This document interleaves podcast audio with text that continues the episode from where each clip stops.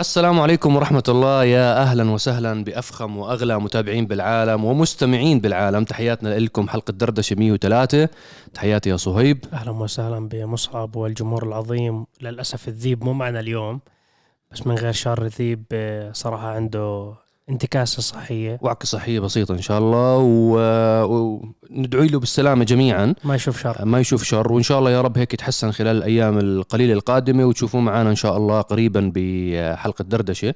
آه والله يشفيه ويعافيه إن شاء الله يا آمين. رب. آمين. آمين آمين آمين. كيف أمورك؟ كيف شو كيف الأمور يا صهيب. والله الأمور تمام التمام. آه، متحمسين لأشياء صورناها الأيام الماضية قوية جدا. أشياء راح نصورها قادمة قوية جدا. يعني المتابعين إن شاء الله راح تستمتعوا. وصراحة أجمل تجربة سويتها خلال هاي السنة آخر تجربة سافرت فيها على بريطانيا كانت لملكة الحلبات الأسطورة بورش GT 3 RS 992 الجديدة كليا. سيارة لا أسطورية. لا يوجد كلام يشرح شو الشعور تاع هاي السيارة؟ آه أي حلبة أنت جربتها؟ على حلبة آه، سيلفرستون في بريطانيا حلبة جدا معروفة حلبة فورمولا 1 مصنع أبطال. إحنا اليوم عندنا أصلا أسئلة على البورش آه فخلينا من بنرجع للبورش وبنتكلم عنها إن شاء الله 100% أنا من حماسي بلشت بالبورش. آه على طول بلشت بالبورش. فلا لا لا في عندنا أسئلة الجاي على البورش وعلى ال- على نظام التعليق وعلى الاكتتاب. عندنا كلام كتير على بورش إن شاء الله. آه ولكن بداية أول شيء آه تذكير سريع للإخوان المتابعين المستمعين اللي عم بيحضرونا هلأ مثلا على اليوتيوب. اتأكد إنك أنت مشترك في قناة عرب جي تي بودكاست آه لأنه ما بدنا إياك تفكر إنه هاي القناة العرب جي تي الرسمية إذا طلعت لك بال بال feed. فبنتمنى منك تتأكد بس بس إذا بتنزل باليوتيوب تتأكد إنك عامل subscribe بهاي القناة لأنه هاي قناة منفصلة. فقط آه راح تكون متخصصة بمجال الأمور اللي لها علاقة بالامور الصوتية اللي هي البودكاست. ومن ضمنها برنامج دردشة. زي ما كلكم تعرفوا شلنا برنامج دردشة من قناة عرب جي تي الرئيسية عم ينزل فقط على هاي القناة. ولا تنسى كمان بالمرة خليك كريم معنا زيادة وتشيك على قناة العرب جي تي Shorts عم بنزل عليها عدد كتير كبير من الفيديوهات سواء Shorts أو حتى سواء POV فقناة فيها هيك ديناميكية مختلفة شوي عن قناة البودكاست ومختلفة تماما عن قناة عرب جي تي فبتشرفونا وبتنورونا هناك. آه، دردشة 103 طبعا عندي عدد من الأسئلة آه، اللي مجهزهم اليوم بدون دفتر مصعب اليوم آه والله من غير الله, دفتر. الله يستر شو راح لا. لأنه في آه، في في هيك حسيت إنه هيك أسهل بتكون. آه، شو رأيك ندخل بالأسئلة على طول أنا وياك؟ بسم الله. بسم الله.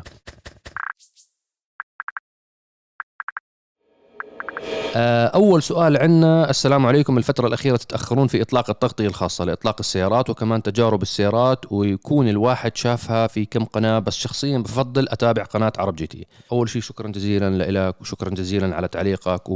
وإحنا كمان بنتمنى أنك تشوف ال- التغطيات عندنا. شو السبب أنه بنتأخر بالتغطية صهيب؟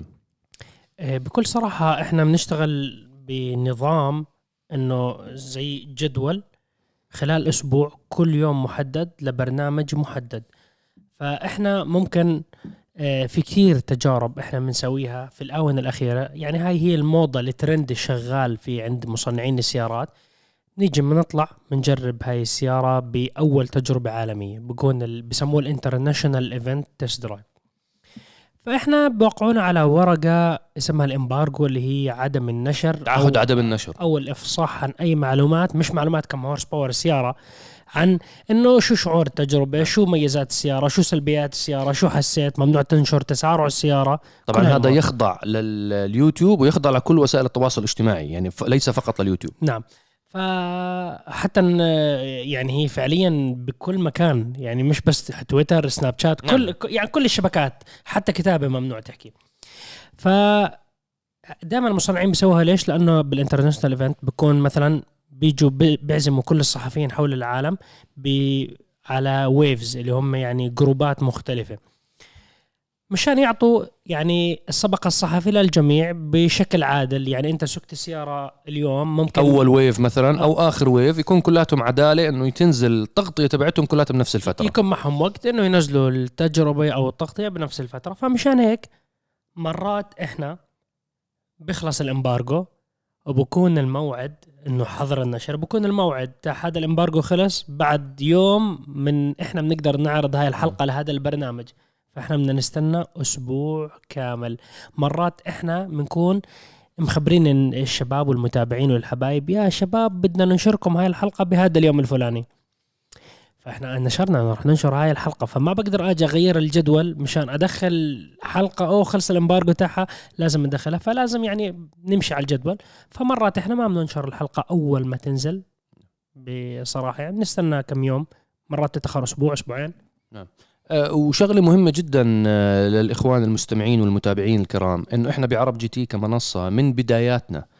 آه عمرنا ما ادعينا إن إحنا أول ناس آه آه رح نجرب السيارات. إحنا دائما بتصير عندنا فرصة مثلا نجرب السيارة أول ناس بتلاقي الحلقة طلعت عندنا كتغطية. ولكن إحنا ما بهمنا موضوع السرعة بهمنا موضوع الجودة آه الطرح المعلومات تكون كاملة متكاملة كل الأمور هاي. ف... فما بهمنا نكون والله السبق فقط عنا وإحنا أول ناس نزلنا وأسرع ناس نزلنا. هذا ليس من ضمن ال- المعايير المعايير تبعتنا بكل صراحة. إحنا بالع- بالعكس إحنا بهمنا يكون عندنا جدول واضح للمتابعين. إحنا متابعينا أعتقد من ثمان سنين لهلا برنامج تست درايف بنزل كل أربعاء برنامج كريم آه زميلنا كريم بنزل كل أربعاء. آه عندنا كل جمعة لازم كانت تنزل دردشة وقبل دردشة كانت تنزل تغطية خاصة وهلأ على القناة الرئيسية بتنزل برنامج الميكانيك مع صهيب آه الحلقات. فبهمنا جدولنا. يعني اعتبرونا إحنا بنتعامل نوعا ما مع منصة عرب GT كيف التلفزيون مثلا مع نشرة الأخبار أو البرامج تبعته اللي بسموه جريد البرامج فإحنا بالطريقة هاي بنتعامل. فاحيانا تتعارض الجريد تبعنا مع embargo أو منع الحظر ورفع الحظر عن نشر ال- ال- الحلقة والفيديوهات. فبنأخرها لحد ما إنه 100% نتأكد إنه آه، الحلقة جاهزة و100% ما تتعارض مع حلقاتنا اللي اوريدي مجدوله بال- بالقناة. حتى إحنا مرات يعني بننشر حلقة لما تطلع الحلقة بالمقدمة باجي بحكي التجربة الأولى على مستوى العالم بيطلع واحد بكتب بالتعليقات كيف يعني التجربة الأولى على مستوى العالم؟ آه، في حضرتها عن ثلاث أربع قنوات قبلك أنت كذاب أنت هم, من هم كانوا معاه. إحنا كنا مع بعض بالتجربة هاي هي أول إيه يعني إحنا فعليا نحكي 50 صحفي حول العالم. إحنا أول ناس بالعالم بنسوق السيارة يعني ما. بكذب عليك قاعد كمشاهد. no أنا أول واحد بسوق السيارة بالعالم هي هاي أول تجربة بالعالم صحيح. يعني مثلا حلقة الحلقة إي تاعتي كيو إس إس يو في هلا المرسيدس. Yeah. نزلت الحلقة بس إحنا موجوده عندنا ومصورها صهيب. موجودة ولسه ما نشرتها. ال EQE SUV بالاستوديو أنا صورت الحلقة ولسه ما نزلتها. كمان البورش GT3 RS الجديد اللي حكيت عنها ببدايه الحلقة. هاي تعتبر أول تجربة بالعالم. نعم أول تجربة بالعالم. وأضيفك من شعر بيت التجربة الوحيدة بالعالم لحد هاي اللحظة باللغة العربية هاي هي التجربه تاعتي إن شاء الله راح تشوفوها. من ش... يعني أنا الوحيد الصحفي مصنع بورش بقول لي أنت الوحيد العربي الطالع من كل الإقليم تاعنا إنه أنت تجرب هاي السيارة. مش إنه استعراض عضلات الحمد لله الثقة موجودة بنينا علاقة طيبة مع بورش علاقة قوية جدا. مع كل أغلب الصناع. الحمد لله. الحمد لله. فإحنا يعني هي التجربة الوحيدة. لما بقول لما أقول بالحلقة التجربة الأولى على مستوى العالم أنا بطلع واحد بقول لا يا عم أنت كذاب في ناس جربوها قبلك. يعني مو قصدي بس أوصلكم الفكرة يعني. نعم. لا أعتقد هذه وضحت أتمنى تكون وضحت الصورة بالنسبة لك أخي الكريم. عندنا سؤال ثاني. آه الهيدروجين والكهرباء وسؤال يخليكم تحكون مخكم زي ما طلبتوه. خلينا نحك شوي هل من الممكن أن يكون الهيدروجين يلغي فكرة السيارات الكهربائية؟ وخصوصا أن شركة أرامكو جالسة تسوي عليه أبحاث وتطوير وتصرف مليارات عليه زي ما شفنا في رالي دكار مع تويوتا مع الكابتن يزيد الراجحي وكان آه، الداعم الأكبر هي شركة أرامكو. وكم من الوقت تتوقعون رح ياخذ وقت؟ بصراحة عندي قناعة أنه شركة أرامكو تبي تسوي ثورة بهالمجال وتبي تلغي فكرة الكهرباء تماما. سؤال قوي. بتحب تبدأ ولا أبدأ؟ والله إحنا من أنا ببدأ وأنت بتبدأ يعني. بس هي الفكرة إنه هيدروجين الهيدروجين لا يعتبر شيء جديد. الهيدروجين له مدة طويلة جدا موجود يعني مش إنه يعني. بس أنا بحسها السياسة ماخذه دور كبير في هل يبصر النور أو لا يبصر النور. لو نرجع بالتاريخ على بداية عالم السيارات والعجلات كان موجود اختراع إنه أنت تسوي سيارة تمشي على العجلات ببطارية من نعم. خلال الكهرباء السيارات الكهربائية أصلا هي اللي قبل كانت قبل المشتقات ولا- النفطية ولكن صار شركات البتروليوم الشركات النفطية ساوت حرب سياسية بضغط شديد جدا إنه وقفت هذا الشيء إنه لا هذا الشيء مضر ومش منيح وحولت كل التوجه نعم. للشركات النفطية البترولية مشان يضمنوا إنه هذا المسار يمشي إنه سيارات بترول سيبكم من انبعاثات سيبكم من كل شيء انسى البطاريات فهو كان عبارة عن شيء سياسي. بزنس يعني أنت طبعا صهيب آه، عشان آه، نوضح ال- الزمن اللي بيحكي فيه أنت بتحكي بال 1910 و20 و30 كثير يعني. كانت وقت روكفلر يعني شيء كثير قديم نحن نشهد إعادة لنفس الحقبة الزمنية ولكن اختلف بين بطاريات وكهرباء إنه بترول البترول بده يقتلوه البطاريات موجودة ممكن نشهد إنه أوه البطاريات لازم نقتلها ونطلع الهيدروجين ولكن في كتير أشياء يعني نقاط لازم شرحها أنت احكي شوي وأنا برجع تمام. بعقب يعني. أول شيء بالنسبة لشركه أرامكو شركة أرامكو قاعدة بتشتغل من مدة طويلة على منتجات تكون آه تكون لها أثر كتير كبير بعالم التنقل في العالم وليس فقط آه على مستوى المملكة ولكن على مستوى العالم. اشتغلوا كتير على موضوع ال biofuel لفترات طويلة وعندهم منتجات قوية جدا فيه آه اشتغلوا فترة طويلة برضو على موضوع الهيدروجين وعندهم منتجات جدا قوية فيه آه اللي بصير إن شركة أرامكو وكتير عدد كتير كبير من الشركات ولكن قوة أرامكو إنه ما شاء الله يعني آه، شركة عملاقة وعندها مصادر دخل عالية جدا فبإمكانهم يصرفوا مبالغ عالية جدا على البحث والتطوير. هذا إشي معطيها هذا ال- القوة والزخم بال- بالاختراعات الجديدة وبالمنتجات الجديدة. ولكن زي ما حكى صهيب بالبداية إنه في حرب نوعا ما سياسية اقتصادية على موضوع ال ال الهيدروجين تحديدا الهيدروجين قديم أنا بتذكر يعني بالتسعينات BMW عملوا صحيح. 5 Series 7 Series 7 Series كانت تمشي على الهيدروجين بالتسعينات بعدين آه، وقفوا ال project لأن نظرا إنه وقتها حكوا لهم إنه الهيدروجين غير آمن والأبحاث كانت عليه فجأة صارت الأبحاث إنه هو غير آمن وحتى إنه. لازم انتشار للمحطات وكيف بدكم إنه هي هاي يعني مشكلة الهيدروجين نعم. فعليا لا إنه كان إنه هذا الإشي مشان تساوي له بنية تحتية مشان انتشار المحطات فبده استثمار كتير نعم. نعم. كبير مع إنه هلا الانتشار تاع آه، شواحن الكهرباء وبده انتشار. يعني نعم. أنت بس هي هي أنا أنا فاهم عليك النقطة صهيب بس أنت هي عشان نوضحها للجمهور آه، مو سهل نقله كمان. أول شيء الهيدروجين غير سهل نقله. غير سهل تخزينه. آه، اللي بده محتاج لمحطات خاصة محتاج لنظام محطات أمين جدا لأنه نظرا أنه هاي المادة حساسة غير عن آه، عن بتحط كمية كتير كبيرة. كمية كتير كبيرة من من الهيدروجين. الشغلة اللي كتير مهمة كمان إنه هم قارنوا بين الهيدروجين وحجم الاستثمار اللي ممكن الشركات تمتد فيه. وحجم طبعا هذا فيه تدخلات من حكومات. يعني لازم الحكومة هي اللي تصرف مليارات إذا مش تريليونات الدولارات على أساس توسع من شبكة توزيع الهيدروجين وتصدير الهيدروجين وتخزين الهيدروجين وتدريب الموظفين كيف يعبوا الهيدروجين بالسيارات. وعلى شركات السيارات إنه تأخذ قرار تتحول للطاقة الهيدروجينية اللي هي فعليا هي الطاقة النظيفة على فكرة. يعني الطاقة الهيدروجينية هي فعليا الطاقة النظيفة. هي أحسن بمراحل عن البترول صديق عن الكهرباء. اللي بيحكي صديق بيئه يرفع علم الهيدروجين. بس. اللي يعني ال- ال- الشركات الأوروبية أو الأمريكية إذا عن جد بدهم ال- الأرض والكرة الأرضية وال- هيدروجين والخوف على الكرة الأرضية وجماعة هدول ال ال ال الأرض الخضراء هي هيدروجين. هيدروجين. طبعا هذا كله مسيس على فكرة يعني هاي ال tags الكبير اللي بتسمعوها إنه الكرة الأرضية والكرة الأرضية هاي بس تغيير مصطلحات هي بس عبارة عن ناس مدعومين من آه، من آه، جهات معينة عشان تروج للكهرباء فقط. الهيدروجين هو الحل. شركات السيارات لاحظت إنه لحظة شوي طالما السياسيين متجهين للكهرباء فإحنا ليش نسبح خارج التيار نروح نستثمر بالهيدروجين ونكابر؟ اليابانيين عندهم سيارة كهرباء كانت من الثمانينات. من الثمانينات كانوا عاملين سيارة كهرباء. طبعا ما كانت ال range كبير وما كانت الشحن سريع و و و و ولكن قتل المشروع بأرضه. فراح المشروع والألمان استثمروا heavily بالهيدروجين من التسعينات. وال- الشيء. وتويوتا.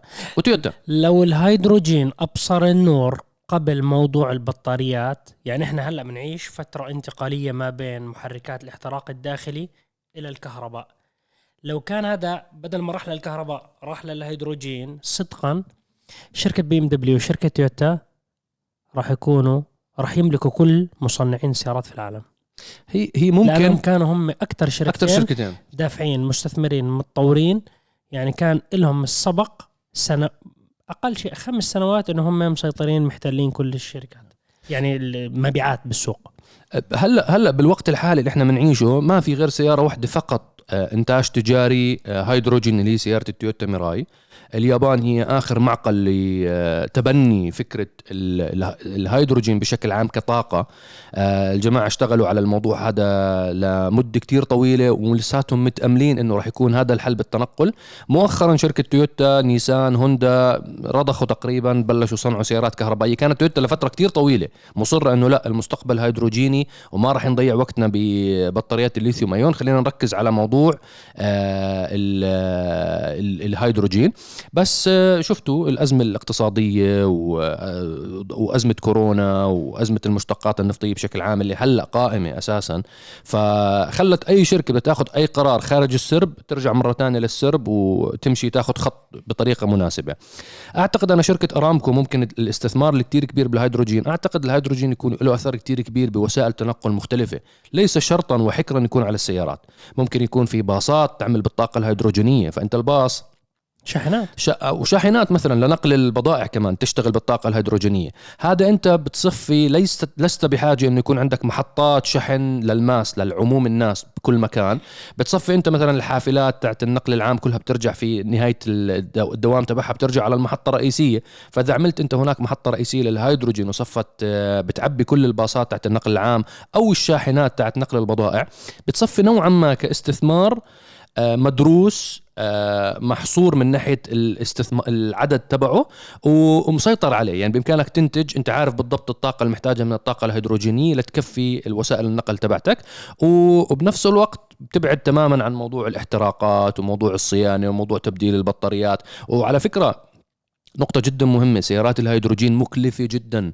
هذا كمان واحدة من الأشياء اللي خلت شركات السيارات تبتعد نوعا ما الاستثمار فيها لأنه سعر المنتج النهائي اللي بيطلع منها مكلف المراي سعرها جدا غالي. أعتقد أول ما نزلوها كانت 84 أو 85 ألف دولار وكانت بنفس الوقت تنباع تويوتا بريوس ب 23 ألف دولار. بريوس عبارة عن سيارة hybrid مع محرك بنزين فأي واحد بتفرج حتى لو كان صديق البيئة حتى دول جماعة الصديقين البيئة وكذا ما راح يسوقوها راح يحكي لك إنه لحظة طالما إنه جيبي جداً. فلا خلص آه، خليني على البريوس و... آه، و... والأمور تمام بشتري فراري مستعمل بنطره آه. آه بالنسبة لصهيب آه فأعتقد نكون جاوبناك على الموضوع. طبعا هم داعمين الكابتن يزيد الراجحي جزء من من من البحث والتطوير تبعهم. هم بدهم سائق راليات محترف يجرب التقنية يجرب الطاقة الهيدروجينية أو حتى طاقة ال biofuel أو طاقة ال- البنزين عالي الأوكتان يجربها. فكيف بدك تجربها إذا ما ما شاركت بسباقات رسمية؟ يعني والله نوجه تحية لشركة أرامكو. أنا بدي أنزل هلا بالإيفو بركي تجربوا معي.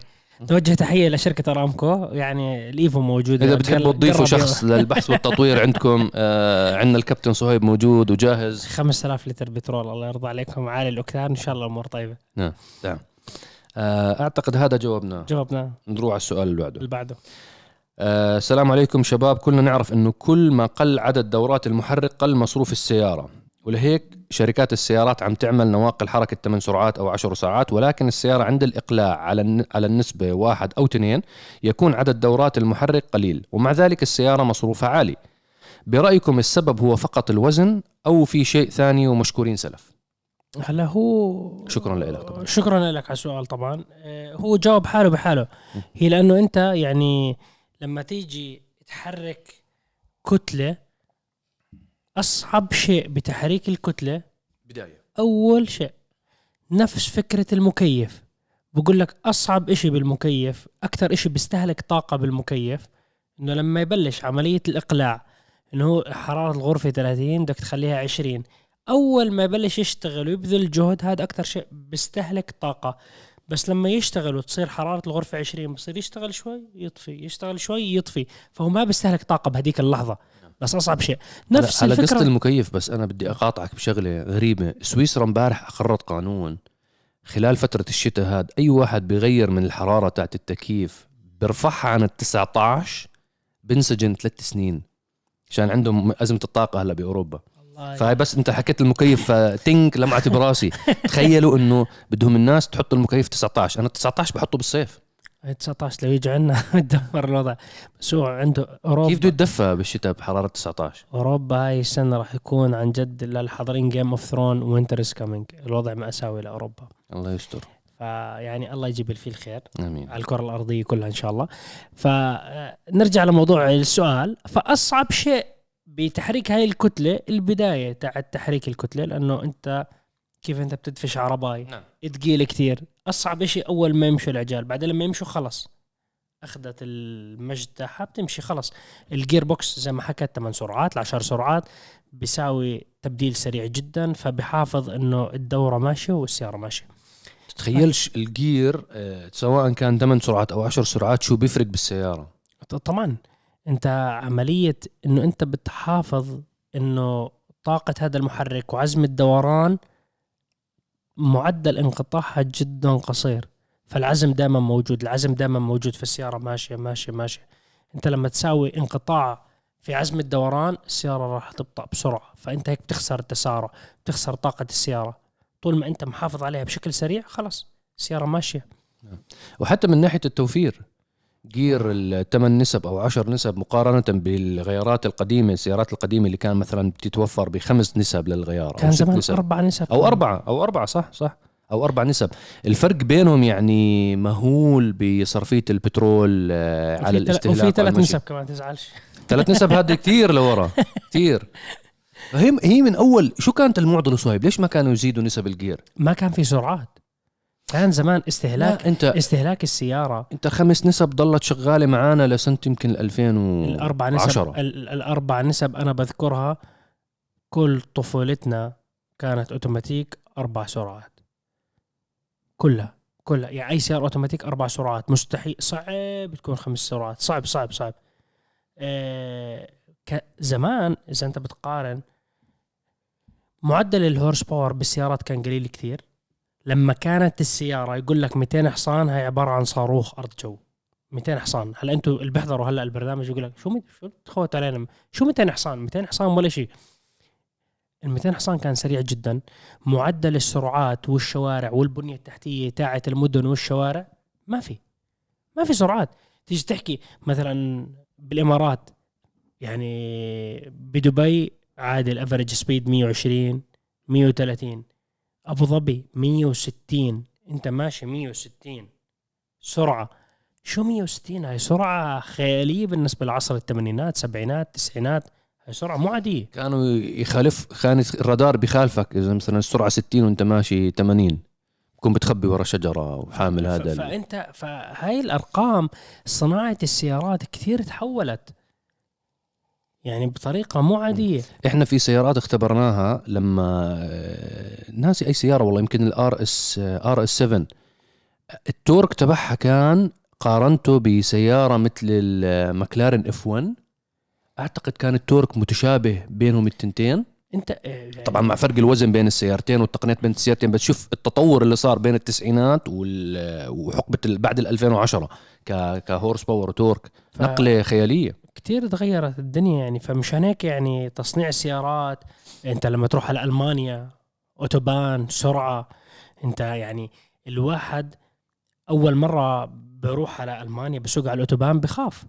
لأنه هو بكون ماشي 160 بفكر حاله إنه هو طاير بيستوعب إنه أنت مو طاير. أنت ماشي اللاين تاني واحد أو ثالث واحد من اليمين والشباب بمر عنك 300 200 مثبتين السرعه 210 فيعني السرعة كثير تغيرت بعالم السيارات ثبات السيارات هندسة السيارات aerodynamic تاع السيارات كل إشي تغير بعالم السيارات. بس هو اللي ما عاش الفترة الزمنية الماضية يعني بقول لك مو معقول. اللي ما شاف سيارات أنا ما شاف السبعينات. سيارات السبعينات والثمانينات. كيف يعني gearbox automatic أربع سرعات؟ شو بتحكي فيه أنت قاعد؟ كيف يعني؟ نعم. على 120 شو بكون الار هي, هي سبحان الله. ب... آه. هي سبحان الله. بكل شيء عم... عملوه البشر. أنا دائما بحكي مثال. دائما كنت بالموضوع ال- الج- الجوالات الموبايلات. كنت دائما نظرتي أول ما أطلقت آه، أبل الشاشة touch فكنت أنا مصر على وجهة نظري إنه مستحيل ينجح. إنه الناس بدها الأزرار. الناس متعودة على الأزرار سواء بال keyboard أو سواء بالموبايلات اللي كانت موجودة بالحقبة القبل سواء نوكيا ألكاتيل سوني كان سوني بعدين صاروا سوني إريكسون أعتقد. إريكسون آه سوني آه، صاروا بعدين اتحدوا مع بعض. وموتورولا وغيرها كانوا كله أزرار كبسات.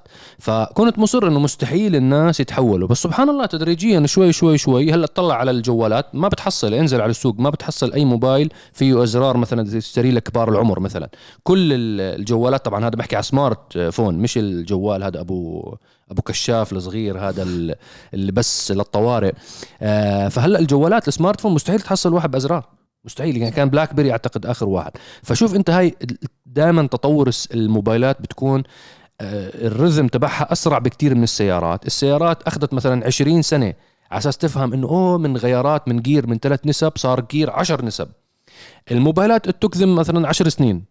صارت النقل ال smartphone وتغير تغير تغير تماما. فالله يستر هلا وين what's next أنا بطلع يعني أنا بطلع على عمرنا المتواضع. إحنا عشنا بدون موبايلات. ولا قبل البيجر.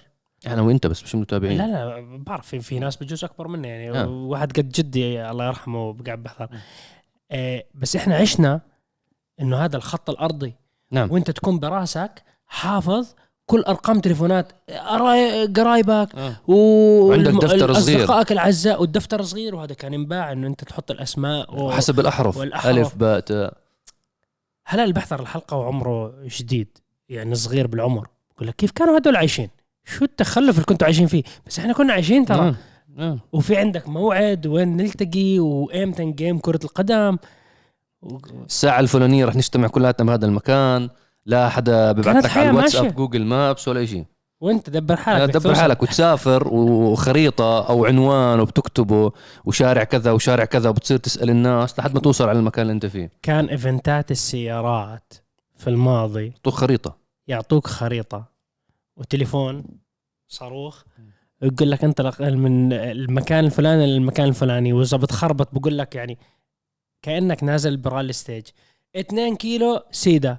بعدين تدخل يمين فتحه آه، أه، بشارع كذا كذا كذا. شارع كذا تمشي تدخل فيه. يمين. تمشي بتصير العداد عندك كيلو 300 تدخل يسار. من عند شارع الفلاني بتدخل يسار. يعني انت اذا بتضيع شوي راحت عليك يا حبيبي. وشرطك إيش؟ أول ما صار التحول وصارت السيارات تضيف ال navigation system ال media صاروا يضيعوا. لما كنا لما صرنا نطلع على على التجارب الميديا كانوا يضيعوا بالبداية لأنه بيعرفوش يقراوها من ال navigation هم متعودين على الخريطة إنه واحد جنبك وعم بيعطيك يا وال navigation ما كان بالوضوح ما كان،. يعني آه. أنت بقول لك ادخل يمين. طب في اثنين يمين. أي يمين فيهم؟ دبر حالك ادخل يمين. هلا صار augmented reality هلا بقول لك السهم من هون. السهم يعني من أنت هون. إذا بتضيع بحلقة ال EQS في جاي الكلام إذا بتضيع يعني الحق عليك. هلا السيارة الجاي إذا بتضيع ال steering بيطلع منه كف وهيك بضربك. اصحى. بعدين معك. لا الموضوع نقل نوعية آه، مو عادية صارت. نعم. نروح على السؤال بعده؟ السؤال بعده. آه، برأيكم هل بالإمكان نقل مصانع شركات السيارات إلى منطقة الخليج والشرق الأوسط خاصة وأنها تمتلك مقومات مهمة أبرزها وفرة مواد الطاقة وكونها ملتقى مراكز الشحن وغيرها؟ هذا سؤال قوي. هذا سؤال قوي. تحب أنا تبدأ ولا أبدأ؟ أنا شخصيا يعني ما أتوقع يصير مم. شخصيا لأنه يعتمد على كثير قرارات سياسية بغض النظر عن وفرة المواد التصنيعية والأولية وفرة الناس اللي بيشتغلوا بالمصانع يعني الرئيس الامريكي السابق ترامب كان يحكي اللي بده يصنع سيارات بدك يكون مصنعك عنا حبيبي تشغل أولاد البلد عنا وتدفع ضريبة والناس اللي عندنا لما يشتروا سيارتك بيشتروا سيارتك فأنت بتستفيد. فهو بده يساوي يخلي عجلة الاقتصاد بالكامل تدور عنده بالبلد إنه هو كل يجيبوا الأشياء الناقصاهم لتصنيع السيارات من الخارج يشغل المينا تاعه يشغل أولاد البلد آه، يدفعوا ضريبة. أنت بتحكي عن أمريكا؟ على أمريكا. أمريكا برضو برضو عندها المصادر وعندها لا، الطاقة عندها- لا، لا، وعندها إذا ما- إذا المواد الأولية. اذا إذا كان ناقصهم شيء يعني مثلا lithium ion okay جيب من برا شوي ما عندك مشاكل للمصنع الموجود بأمريكا عندك تمام. فهم يعني السيارة راح تكلف أكثر؟ نعم راح تكلف أكثر بكثير. الربح راح يقل لمصنع السيارات راح يقل أكيد. آه، ولكن الفرق بين الأسواق العملاقة وأبرزهم أمريكا والصين مع أي سوق ثاني. كثير الفرق خيالي مو عادي. أنت مثال كم شاحنه فورد F-150 فورد بتبيع بأمريكا؟ يعني مستعدين فورد يقول لك أنا ما بدي أبيع فورد F-150 إلا بأمريكا ومسامحك بالعالم كله ما بدي أبيع وراح أطلع فلوس. آه، الصين نفس الشيء.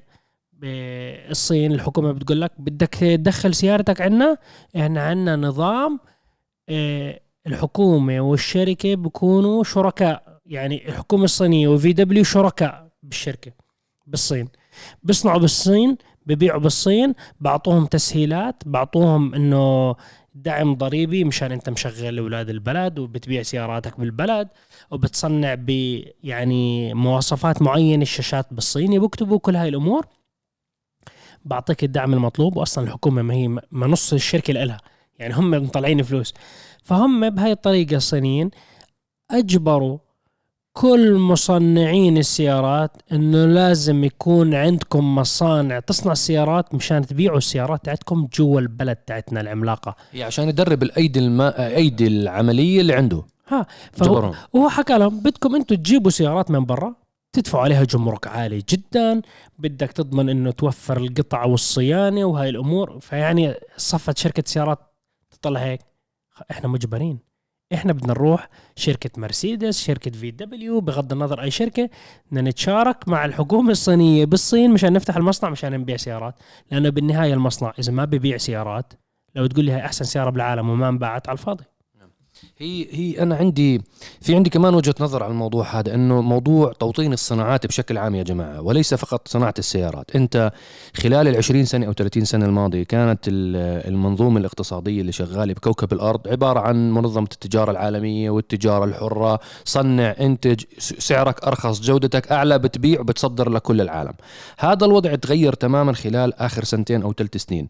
آه اللي صار كالتالي إنه جزء كتير كبير من المصنعين صار يعمل لك آه، عقوبات اقتصادية بمنعك من الوصول إلى المواد الأولية بيقطع عنك الشحن والنقل البحري أو الجوي أو حتى النقل البري. فهلأ المعادلة تغيرت؟ إحنا للأسف إنه رؤوس الأموال العربية بشكل عام وشركات الاستثمارات العملاقة العربية راحت على الخيار الأسهل وهذا خيار طبعا هاي لأنه كلياته brainwash نظام راسمالي كله بدور الدولار دفعته اليوم بدي اخذه 2 دولار بآخر السنة كله بيبحث عن الدولار السهل. ما حدا فعليا عمل خطة لتطوير اقتصاد ونهضة. ببلده. هذه للأسف كل الدول العربية بتواجه هذه المشكلة. آه، أغلب رؤوس الأموال الكبيرة والشركات الاستثمارية الكبيرة راحت مثلا استثمرت بمكلارن بأستون مارتن بمجموعة فوكس فاجن آه، مرسيدس بمرسيدس بشركات ناشئة مثل لوسيد. لوسيد أعتقد أنه الحكومة السعودية وصندوق الاستثمارات بإمكانه ينقلها لأنه لساتها startup لساتها شركة جديدة. فسهل إنك تنقل وتوطن صناعتها لتصير موجودة عندك في في مثلا السعودية إذا بيحبوا يحطوها بالسعودية. ولكن الفترة القادمة توطين الصناعات بطل خيار. هاي أنا هاي وجهة نظري. انتهينا من فترة إنه والله منظمة التجارة العالمية وإحنا كلنا بنحب بعض كدول. انتهى. هذا الكلام كله انسوه. هذا ماضي. توطين الصناعات لازم يبدأ من الصناعات الخفيفة. وعلى أساس تبدأ من الصناعات الخفيفه يعني أنت مثلا ما بدك أساسا تفتح شركة سيارات عشان تجمع سيارات وهي حكيناها بحلقة ماضية ما بدك تفتح مصنع سيارات عشان توظف ناس ينفخوا العجلات للسيارة اللي بتتجمع. يعني هذا بطلت هاي ليست صناعة وبالعكس هاي راح تكون مكلفة عليك جدا نظرا إنه الشحن عالميا ارتفع سعره ومعضلات الشحن أعلى جدا. مصنع للعبودية جديد لأنهم راح يعطوهم أقل رواتب ممكنة مشان يقول لك إحنا كيف نبيع السيارة؟ هيك نعم. بتغلى السيارة؟ وراح نخسر بالسيارة. هاي هاي أنا أعتقد إنه خطأ مركزي راح يكون إذا اشتغلت بالطريقة هاي، أنا مع فكرة إنه تعال نجيب الأيدي الماهرة خبرات اشتغلت بمصانع عالمية نعمل علامة تجارية عربية. ما ما ما في داعي نجيب مثلا نقنع شركة تويوتا تفتح مصنع عندنا ليش ندخل بهذا ال ال ال البحث معاهم والتفاهمات معاهم؟ على أساس بالنهاية نحكي إحنا صنعنا تويوتا أو غير من تويوتا يعني اي أي شركة بتخطر على بالكم. أنا ليش حكيت لوسيد؟ لوسيد لأنه brand جديد علامة سيارة كهرباء جديدة فاتحة وطبعا أنا التوجه تبعهم متجهينهم premium وسيارة فخمة وأنا ضد التوجه هذا بالسيارات الكهرباء. أنا مع فكرة إنتاج سيارة كهربائية رخيصة شيء مثل كيف الفوكس فاجن عملت ال IDs ID 3 ID 4 شيء رخيص crossover عملي. هلأ الأتراك عاملين التوج آه، سيارة تركية كهربائية بالكامل ومصنع عندهم مصانع فتحوها بدهم يغذوا السوق التركي كامل بعدين يصدروها للخارج كمان. فليش ما نعمل؟ ليش يعني هاي رؤوس الأموال اللي هلأ كانت تطلع قبل على على مثلا المشاركات والتقييم تبع شركات عالمية وتقييم brand ات؟ هذا الكلام حلو. هذا الكلام حلو أنتم أنا فاهم تماما ال venture capitals والصناديق الاستثمارية السيادية. هذا الكلام هم طبعا هم ما راح يسمعوا كلامي أنا يعني شخص مسكين غلبان بالنسبة لهم. آه لا افقه شيئا بالمجال اللي هم بيشتغلوا فيه ومعهم تمام أنتم كلامكم كله صح. العشر سنين الجايه وهذا المقطع تذكروه. إذا ما توطنت الصناعات داخل دولكم هدول كل الصناديق السيادية اللي حطت مليارات وتريليونات الدولارات باستثمارات بشركات عالمية قيمة الاستثمار تبعك رح تنخفض. وهي مصعب وهاي القراءات تاعتي أنا الشخصيه وأنا هذا رأيي الشخصي لا يمثل إلا أنا. أنا هاي وجهة نظري. هل عندنا فرصة نقدر إنه هلأ إحنا نعمل علامات تجارية قوية جدا عربية نفتخر فيها؟ وما بدنا الأسواق العالمية يا أخي إحنا ليش نطمح إنك تبيع وتصدر لكل العالم؟ أنت بيع له سوقك فقط. اضمن إنه السوق المحلي تبعك في لحظة ما صارت مشكلة صارت حرب صارت كارثة عالمية تسكرت الموانئ انقطع الشحن ما بتقدر لا تستورد سيارات ولا تستورد قطع سيارات. خلي عندنا وسيلة واحدة للتنقل سيارة بسيطة basic قطعها بتتوفر من الورشات والمصانع الصغيرة الموجودة بالدولة تبعتك وبإمكانك تصدرها للدول المحيطة. تخيل أنت سيارة تتصدر لمثلا دول مجلس التعاون الخليجي. تخيل أنت تنتج سيارة كهربائية صغيرة آه، بحجم نيسان كيكس وتعرضها بسعر مثلا آه، تسعين ألف درهم. وبيعها ب ألف درهم للعوائل المتوسطة للطبقة المتوسطة فما دون. وهاي تطورها شوي شوي شوي تبيع منها وتعمل كفاءتها أفضل وأفضل وأفضل تنتج منها وحدة تانية أكبر تكون سبع ركاب. أنا أنا أنا هاي وجهة نظري إنه يجب فورا توطين الصناعات وليس فقط صناعة السيارات. انتبه يعني السيارات هي واحدة من الصناعات. في صناعات بيسك يا جماعة. صناعة الهواتف الذكية. إحنا بإمكاننا نوطنها عنا. إيه، طبعا ال semiconductor already الكل بيشتري من من تايوان. already الأمريكان بيشتروا من هناك. يا أخي جيب ال semiconductors منهم وانت طو... خلينا نطور ال smartphone. بكفي نستثمر بشركات عالمية ونستثمر بشركات أنت عالمية. أنت مصعب تعقيبا على كلامك طيب آه، للأسف زي ما قلت رؤوس الأموال تتوجه للخارج لأنه بقول لك الدولار اليوم أنا بدي إياه بكرة آخر السنة بدي إياه دولارين. إحنا ننظر إلى يعني هاي الصناديق السيادية. بقول لك أنا همي الأول والأخير الربح. ما بهتم لأي شيء ثاني. أنت لما تبلش بصناعة السيارات مستحيل أنت تربح من أول سنة ولا سنتين ولا ثلاث ولا عشر سنين. عادي عشر سنين أنت مو شغال بتعمل فلوس نهائيا ولكن انت المكسب اللي بتكسبه انه انت بتشغل أولاد وطنك قدرات الموجودة والهندسية والإبداعية بتعطيهم مجال للإبداع الموجود. صحيح بدي أقاطعك تسمح لي أقاطعك؟ نعم. هذا كله رؤوس الأموال ما بتهتم فيه. آه، طبعا. لا لا انسى. هم أنا بدي أحكي لهم إياها بطريقة تانية. تسكرت الحدود تسكرت الموانئ صار عليك sanctions بس احكي لهم إياها هيك. ما هو انت أنت روسيا روسيا بكبرها لما صار عليها sanctions تضررت. man الأسبوع الماضي أحكي لكم يعني الأسبوع الماضي روسيا شركة أبل وقفت التطبيقات على جوالات الناس اللي شابكين على الشبكة الروسية. فمتخيل؟ مايكروسوفت وقفت ال system ال validity تاعت ال keys تاعت ال systems تاعت النظام البنكي ونظام الشركات تبعتهم. يعني نظام HR شغال ماخذ license من مايكروسوفت ودافع حقه عطلوا له إياه. انسى موضوع توطن وبلدك والعواطف هاي ما انساها هاي كلها انساها. هذه كنا نحكيها من هاي عشر إيه. سنين صار لك بتحكيها وهاي نفس ال press release اللي بيطلعوه نعم لتشجيع والتوطين الصناعات ونعم دعم الأيدي الماهرة. هذا الكلام انسى هذا كلام شاعري حلو ولكن ابدا. رأس المال ما بفهم بالطريقة هاي. رأس المال لازم تعطيه case study تحكي له شوف دولة عظمى صارت عليها sanctions صارت عليها حظر شوف كمية الضرر الاقتصادي تبعها وقارن اعمل أنت مقارنة باقتصادك الوطني. إذا صار عليك ربع ربع اللي صار على هدلاك نتدمر. شو راح يصير؟ نتدمر. بس. إحنا هي. إحنا ابل فما تحكي له لا ايدي ماهره ولا عمالة ولا أي شيء. احكي له حبيبي. هي, هي هي بالنهاية أنا اللي بدي أوصله كنت كفكرة هي بالنهايه أمن قومي لأي دولة. أي دولة؟ هذا أمن قومي. هو والزراعة والمي والثروة المائية هاي الأمور مس الزراعة قبل السيارات حتى يعني. الزراعة أهم من السيارات آه كمان. الزراعة آه على فكرة موضوع أنت أبل ومايكروسوفت لو يسكروا خدماتهم للمنطقة لو دولة معينة بتدمر هاي الدولة. شو البديل الموجود بالوطن العربي؟ ما في. ما في. إحنا وقفنا خلاص. رجعت للعصر ما قبل الجوالات. رجعنا راح امسك الدفتر الفهرس. ما راح تصير المشكلة الذاكرة المشكلة الذاكرة ضربت. هلا مين بده يتذكر الأرقام والفهرس و... فوالله يعني الوضع بخوف وهذا إذا لم ينظر له بالحسبان من خلال الحكومات إنه تاخذ أموال وتجبر إنه يتم الاستثمار في هاي المجالات ما راح ينصلح الحال.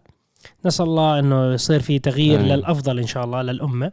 آه، ولكن هو الفكرة الرئيسية لما يجوا يقرروا بده يسووا هذا التغيير راح يصير في ضغط سياسي خارجي عليهم. يقول لهم وين رايح حبيبي؟ سيبنا من أكيد. أشياء. ما أنت ما تبدأ ب... ما تبدأ ما بشيء تبدأ بشيء عملاق. نعم. بلش حبه أنت- حبة خطوة خطوة. يعني أنت هي بالصهيب تدريجيا. أنت ما تبدأ بمفاعل نووي. روح ابدأ ب ب بجوال در- دراجة. سكوتر دراجة بنظام مواصلات عامة باص. اعمل باص خط تجميع للباصات. أنا كثير من الدول العربية بتجمع باصات من من أي سنة؟ من 30 و40 سنة. ولا واحدة منهم أنتجت باص. كلهم للحظه هاي للحظه هاي. بتيجي الكراتين هم بس بلحموها وبزبطوها وب... على فكرة بيركبوها. إنتاج محرك قد يكلف 50 مليون و100 مليون دولار. مشان تثبت إنه هذا المحرك بالصلب بتاعه بالمواد المستخدمة بالصهر والهاي إنه شغال تمام. أنت لو الجماعة من أول ما بلشوا حطوا هاي ال 100 مليون هذا المصنع بصنع محرك. فعال شغال 100% وبزبط. نعم. بس للأسف إنه ما في واحد بده يساوي الخطوة الأولى. يا عمي أنت اصنعه اصنعه واخسر فلوس. هي بالفترة السابقة كانت إشي الفترة القادمة جاي إشي. فهلأ توطين الصناعات بشكل عام والاهتمام بالاقتصاد الداخلي للدول العربية. طبعا ما بنحكي على دولة محددة بنحكي على كل كل- كل الدول. كل الدول. كل الدول بلا أي استثناء. الاهتمام بموضوع توطين الصناعات موضوع ال- الاستثمار بالزراعة جدا مهمة. الفترة الجاية الزراعة خطوط حمراء. ولكن انت هي بدك تحكي والناس تسمع يعني إن شاء الله. إن شاء الله. إن شاء بيوم من. الأيام بنلاقي الإشي هذا زبط يا رب. إن شاء الله. آه نروح على السؤال اللي بعده. آه السلام عليكم. شركة بورشا لم تستخدم تقنية ال double wishbone suspension إلا حديثا على سيارتها. وسؤالي هو لماذا؟ السؤال الثاني ما هو الفرق بين ال GT 3 RS وال GT 3 وكيف وكيف استطاعت أن تنافس باقي الشركات الرياضية التي استخدمتها قبلها ومنذ ذلك الزمن؟ كانت بورشا متفوقة عليهم. هي شوي السؤال تشقلب من ال- من عربي إنجليزي لأنه. وصلت الفكرة بس هي أعتقد إنه وصلت الفكرة. ليش استعملوا ال double wishbone إلا حديثا؟ وشو الفروقات الرئيسية بين ال GT 3 RS وال GT 3 آه، هلا الاختلاف الرئيسي بين البورش GT 3 وال GT 3 RS هو عبارة عن إنه في اختلاف بالوزن بين هدول السيارتين. في اختلاف بال setup تاع السيارة بين هدول السيارتين. هاي السيارة بتقدر تسوقها كل يوم تقريبا. هاي السيارة يعني صلبة سيارة سباق سيارة إنه أنت تروح فيها على الحلبة سايق وتروح سايق ما تحط سيارتك تاعت السباق على آه، سطحة أو recovery زي ما بقولوا توديها. لا أنت بتروح سايق فيها وبتروح فيها. آه، اختلاف كبير بال downforce بين السيارتين. شو ال downforce؟ اللي هو الضغط السفلي من خلال الهواء. كل ما تسرع كل ما السيارة تنخفض. في الأرض أكثر. هلا انت موضوع ال double wishbone ال- الذاكرة انه ليش بورش استخدمته؟ هذا النظام آه، ممكن نطلع لكم صورة هلا مشان يعني يتسهل عليكم. هلا ماصات الصدمات موجودة هون راكب عليها ال disc brake وبنفس الوقت إنه في قطع راكب ال axle موجود هون مثلا. بكون زي في شوكة في الأعلى ماسكة من عند ال suspension شوكة هيك. وفي عمود ماسك بجسم السيارة ومرات في كمان عمود تاني كمان ماسك بجسم السيارة. هلأ السيارات الرياضية عالية الأداء. ممكن سيارة مش عالي مش رياضية يستخدموا هذا النظام عادي.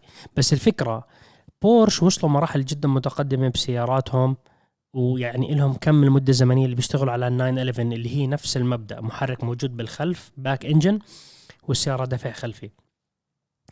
فأنت لما تضل تسوق وتطور على هاي السيارة تضل تطور بالمحرك وأنت ملتزم بوزن معين ما بدك تطلعه كتير ولا تقلله كتير صعب تقلله أصلا. يا ريت المصنع يقدر يقلل الوزن أكثر. فبصير الموضوع معقد. فكل شيء يؤثر بيستخدموه. هلا هذا النظام اللي هو زي الشوكة من فوق موجود تماسك السيارة وأداء السيارة راح يكون مختلف. هلأ بحالة نيجي نحكي ليش حلبة نوربرينج هي تعتبر أصعب حلبة بالعالم؟ مختلف عن كل الحلبات الثانية انسى إنه هي موضوع إنه هي طويلة جدا الحلبة. هاي الحلبة فيها أماكن أنت بتكون بتكون طاير مرة واحدة بتحس السيارة طارت نزلت طارت نزلت كأنه أنت دايس على شارع.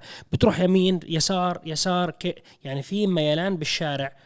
فهذا الشيء يتطلب جهد كتير هندسي كبير جدا معقد إنه السيارة تعطي أداء كامل أفضل وثبات. أداء بأحسن ثبات ممكن على هذا الشارع اللي هو يعني مش قادرين المهندسين يفهموا له يا عم يمين هيك يسار هيك هذا الشارع مش موجود بحلبة. كيف بده يصير هيك؟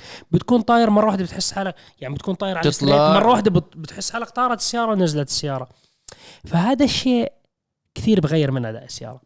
البورش GT 3 العادية نرجع للسؤال تاع الشاب. هلا هي لما تكون ماشي على حلبة نوربورغرينغ وطاير بعدين يعني صارت السيارة بتحس إنه زي بدها تطير وتنزل. أوكي الثبات تاعها جيد وتمام الوضع. لما تيجي بورش GT 3 RS أنا بحكي هلا بالموديل الجديد. عليها نظام DRS جدا متطور. نظام ال downforce من عالم سباقات. تقول جايبين سيارة فورمولا 1 حاطينها على السيارة هاي. أنت لما تكون طاير وتوصل مرحلة السيارة بدها بدها تطير وتنزل. شو بصير؟ السيارة ال aerodynamic تاعها في downforce على سرعة 280 ضغط بيجبر السيارة إنه تضل تلزق بالأرض بمقدار 860 كيلو جرام يعني أنت لما تجيب السيارة هاي البورش وتكون طاير فيها ماشي فيها سرعة 280 وأجيت على هذا الشارع تاع نوربورغرينغ اللي هو طاير بدك تحس إنه السيارة بدها تطير وتنزل. شو بصير؟ من كتر ما في هواء بضرب مقدمة السيارة مشغول على ال aerodynamic تاعه مشان يجبر مقدمة السيارة إنه تضل ملزقة للأسفل وسقف السيارة والسيارة من الخلف مع ال spoiler العملاق. مقدار ال downforce الضغط 860 كيلو إنه مجبرين السيارة إنه تضل ملزقة بالأرض. يعني كأنك أنت حاط حصانين أو ثلاث أحصنة فوق السيارة إنه لزق بالأرض لزق بالأرض. وظيفة ماصات الصدمات اللي حضر حلقتي تاعت المرسيدس C 63 شو وظيفة ماصات الصدمات؟ إنه يجبر العجلات إنه يضلوا ملامسين بالكامل على سطح الأرض. طول ما هو العجل مساوي ثبات كامل على الأرض معطيك التماسك المطلوب. مع ال downforce هذا الخيالي 860 ضاغط السيارة هذا الحكي بيساوي أداء استثنائي لأنه كل ما زاد downforce ممتاز. هلأ بمقدمة البورش عاملين نظام هلأ ال GT 3 RS الجديد في ال spoiler اللي هو بيفتح وبسكر حسب الحاجة يعني بزيد ال downforce ولما تصير بدك تسرع كثير بيجي بت- بيسكر ب- بتغير يعني بخلي الهواء يضرب يدخل من خلاله ويضل ماشي كأنه ما في downforce. فبقلل ال downforce بوصل لمقدار من 860 ل 306 كيلو جرام مشان يخلي مقاومة الهواء إنه ممتازة إنه مر الهواء بسرعة مشان السيارة تضل مسرعة لأنه كل ما زاد ال downforce يعني بتصير على ال high speed على السرعات العالية بتضعف بتضعف. هلا ال double wishbone هاد خففوا وزنه ولما تصير السيارة فيها ظروف مو عادية بالشارع اللي بتسوق عليه انت كنت ماشي سيدة بعدين صار هيك على اليمين بعدين صار هيك على اليسار بعدين صار بدها تطلع تنزل شو بيساوي؟ تفاعل مصات الصدمات مع العجلات إنه صعودا ونزولا بيكون أدائها أفضل بكثير مقارنة مع سيارة بس ممسوكة من تحت. لما تكون ممسوكة من تحت أوكي مصات صدمات مشبوكين على جسم السيارة ولكن حركة السيارة بصير فيها اهتزاز, اهتزاز أكبر. قد ما ما يكون قوي ال suspension راح تكون تتحرك بطريقة إنه بمرحلة معينة على سرعة معينة على قفزة جنونية السيارة ما راح تستوعب شو صار. راح تنط وتضرب إنه عرفت كيف هذا الاهتزاز. ولكن لما تكون بال double wishbone هاد ماسك السيارة بطريقة إنه أنت طلعت نزلت طلعت نزلت إنه هو إنه أنا ماسك لك السيارة لا تخاف الأمور تمام. فأنت السائق المحترف أو غير محترف راح يحكي بي السيارة ثابتة شو هاد؟ ما حسيت السيارة نعم. ب... يعني بتلف فيها يمين ما بتهز هيك. يعني أنت سوق بالجنون أنت أي سيارة بالعالم تكون ماشيه 100 ب- اذا بتساوي هيك بال steering شو بصير؟ بتهز كيانها. يعني هيك راح تتخربط السيارة من جوا. بس مع هذا النظام شو ما تساوي يمين أو يسار الحركة تحت العجلات وجسم السيارة راح يكون ثابت بطريقة إنه يحسس اللي بيسوق الأمور تمام لا تخاف. وحتى هذا نظام ال double wishbone الجديد الموجود على ال GT 3 RS أعطى المزيد من الضغط السفلي وال aerodynamic على السيارة حسنه بمقدار. 40 كيلو جرام زيادة ضغط من خلال هاي مم. بس بس بس من خلالها. فأنت راح تحس السيارة ثابتة زيادة فرق خيالي عن أي سيارة مش موجود عليها هذا النظام. فهي ميزة من ميزات إنه أنت متى راح تنزل حلقة ال GT 3 والله مفروض الخطة إن شاء الله الأسبوع القادم إنه الحلقة تبصر النور وتشوفوها حلقة طويلة كبيرة. أنت يوم و- يوم التصوير كان يوم حافل بالنسبة لشركة بورش. يعني صراحة يوم حافل وحلقة جميلة جدا كمية المعلومات اللي حكيتها مذهلة مو عادية. يعني مو عارف قد إيه راح يكون طول الحلقة. ال GT 4 RS سويت الحلقة كنت أحكي بسرعة بسرعة المشكلة بسرعة. المشكلة بتعرف شو بالحلقات هاي؟ إنه ما بتجيب مشاهدات. أغلب الناس ما ما بيحبوا هاي الفئة من مش ما بيحبوا غير مهتمين بهاي الفئة من السيارات مهتمين. اللي هي لها علاقة كتير بالهندسة الميكانيكية. يعني هي هون ال- الفن تبع الهندسة pure engineering أتمنى لو بيوم من الأيام هيك بورش تقول لي هاي الحلبة وهي سيارة وتجيب الناس طلع السيارة. صدقا الناس لما يطلعوا بالسيارة راح يستوعبوا شو أنا بحكي فيه. سيارة من عالم آخر. بورش GT 3 RS الجديدة هي عبارة عن سيارة سباق سيارة سباق بحتة. ولكن مرخصه انه تمشي على شارع. نعم نعم. آه، بنفس اليوم اللي كان صهيب بيصور فيه كان الاكتتاب تبع آه، شركة بورش. هاي لأول تس- مرة. 29 9 2022 نزلت آه، طرحت مجموعة فوكس فاجن شركة بورش للاكتتاب. حركة جريئة بصراحة خصوصا مع الظروف الاقتصادية العالمية. يعني التوقيت اللي اختاروه كان أنا بالنسبة لي شخصيا غريب. ولكن واضح إنه آه، إنه الشركة ال value تبعتها كانت تجاوزت 72 مليار دولار. وكان هو أعلى IPO أعلى اكتتاب عم بصير بالقارة الأوروبية حتى اللحظة. فجابت الرقم اللي بدها إياه الحصة تاعت فوكس فاجن تتجاوز ال 19 مليار دولار حصلوا منها flow من كاش آه طبعا كثير من الناس استغربوا إنه ليش شركة فوكس فاجن تطرح آه تطرح أسهم شركة بورش للاكتتاب العام آه إنه شركة بورش هي تعتبر يعني أقوى علامة تجارية موجودة عند فوكس فاجن شفناهم من حوالي سنة ونص أو سنتين عملوا صفقة بيع لعلامة بوغاتي انباعت للشركه الكرواتية ريماك. ريماك طبعا هي اتفاقية كتير كبيرة ما بدنا نسميها صفقة بيع ولكن كان في تحالف معهم إنه ياخذوا جزء كتير كبير من أبحاث وتطوير السيارات الكهربائية العالية الأداء من شركه من الشركة الكرواتية ريماك بالمقابل شركة فوكس فاجن عملت زي تقييم لكل العلامات التجارية الموجودة عندها وأكثر علامة تجارية كانت آه، الصناديق السيادية والاستثمارية والأشخاص الأغنياء بالعالم مهتمين فيها كانت شركة بورش طرحت هم بحاجة لكاش. آه، أنا أعتقد أنه شركة فوكس فاجن مهتمة جدا تجمع كاش بسرعة آه، بصورة سريعة جدا.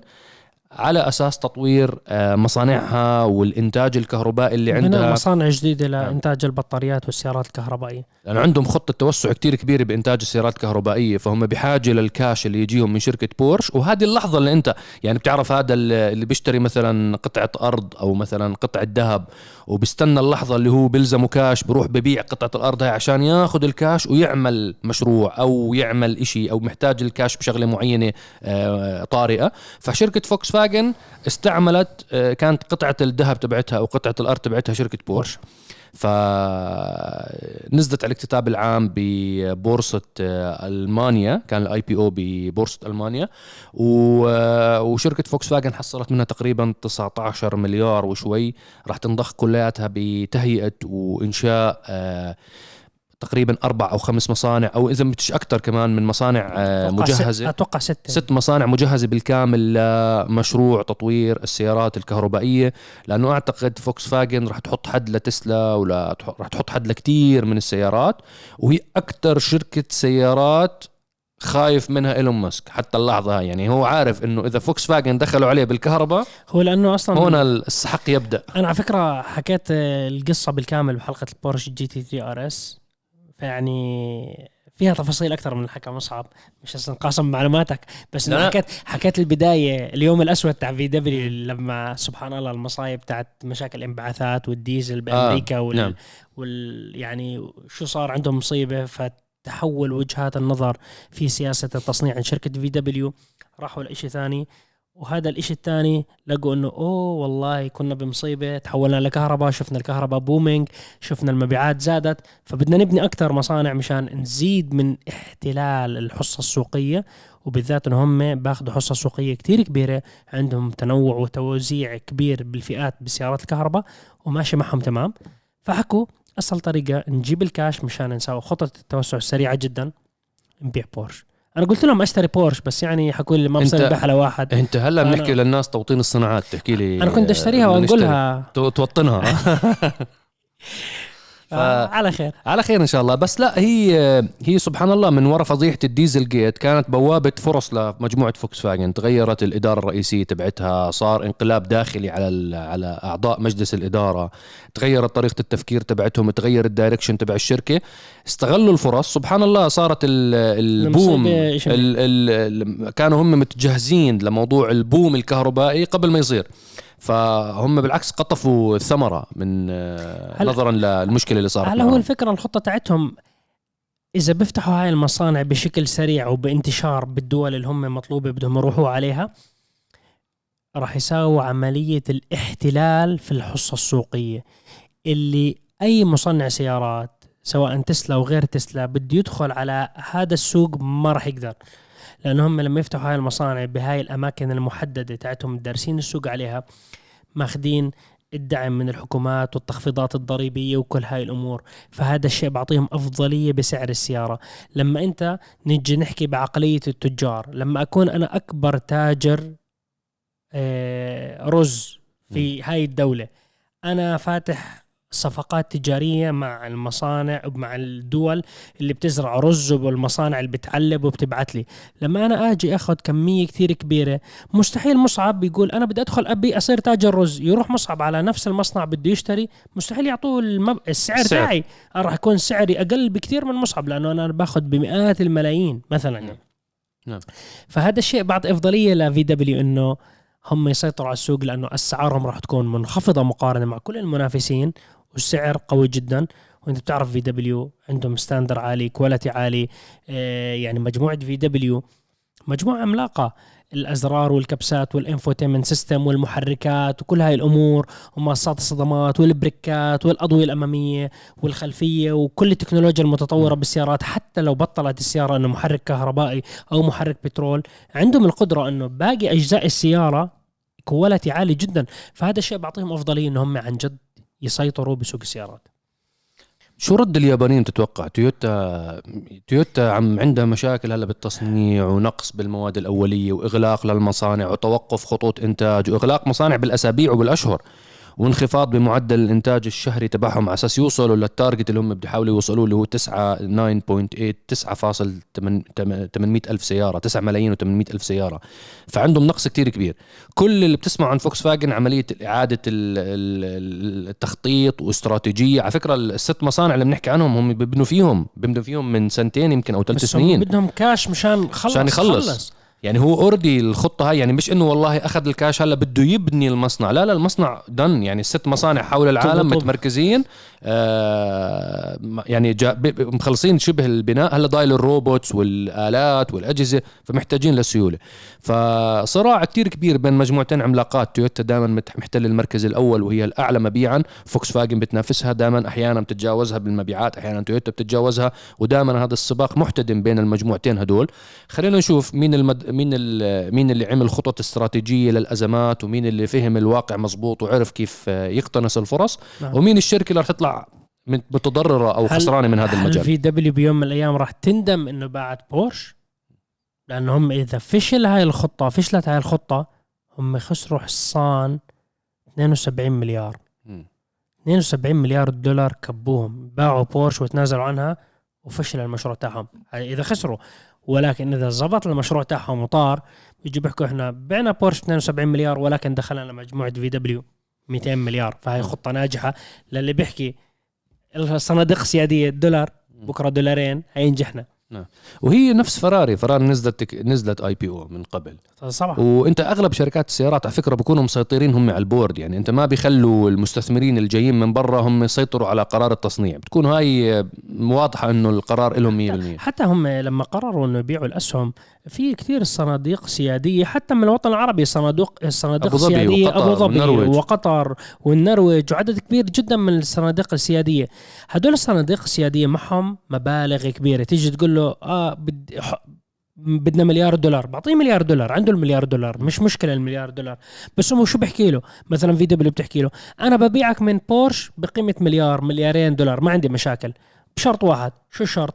إنه أنت مثلا ممنوع تبيع أسهمك من هون لخمس سنين تمام. أنت ما بتتدخل بالقرارات تاعت الشركة. هلا بعطيك ال... بقيمة مليارين دولار.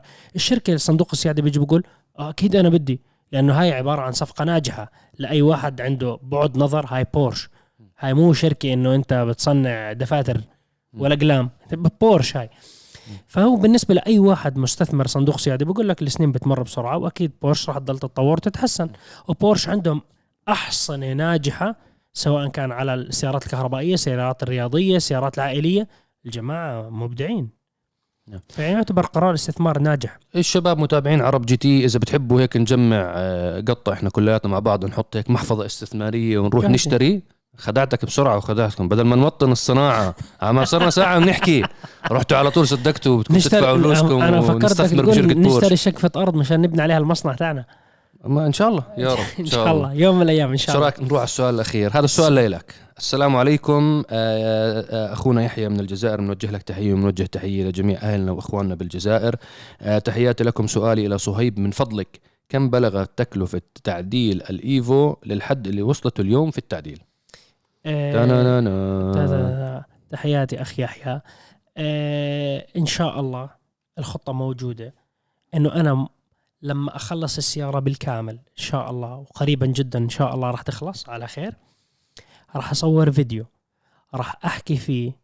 يعني أنا بصور قاعد سلسلة فيديوهات مشان أوريكم خطوة خطوة شو بساوي شو بساوي شو بساوي. أول ما أخلص السيارة أقول خلصت السيارة راح أصور فيديو أحكي فيه كل أسعار القطع.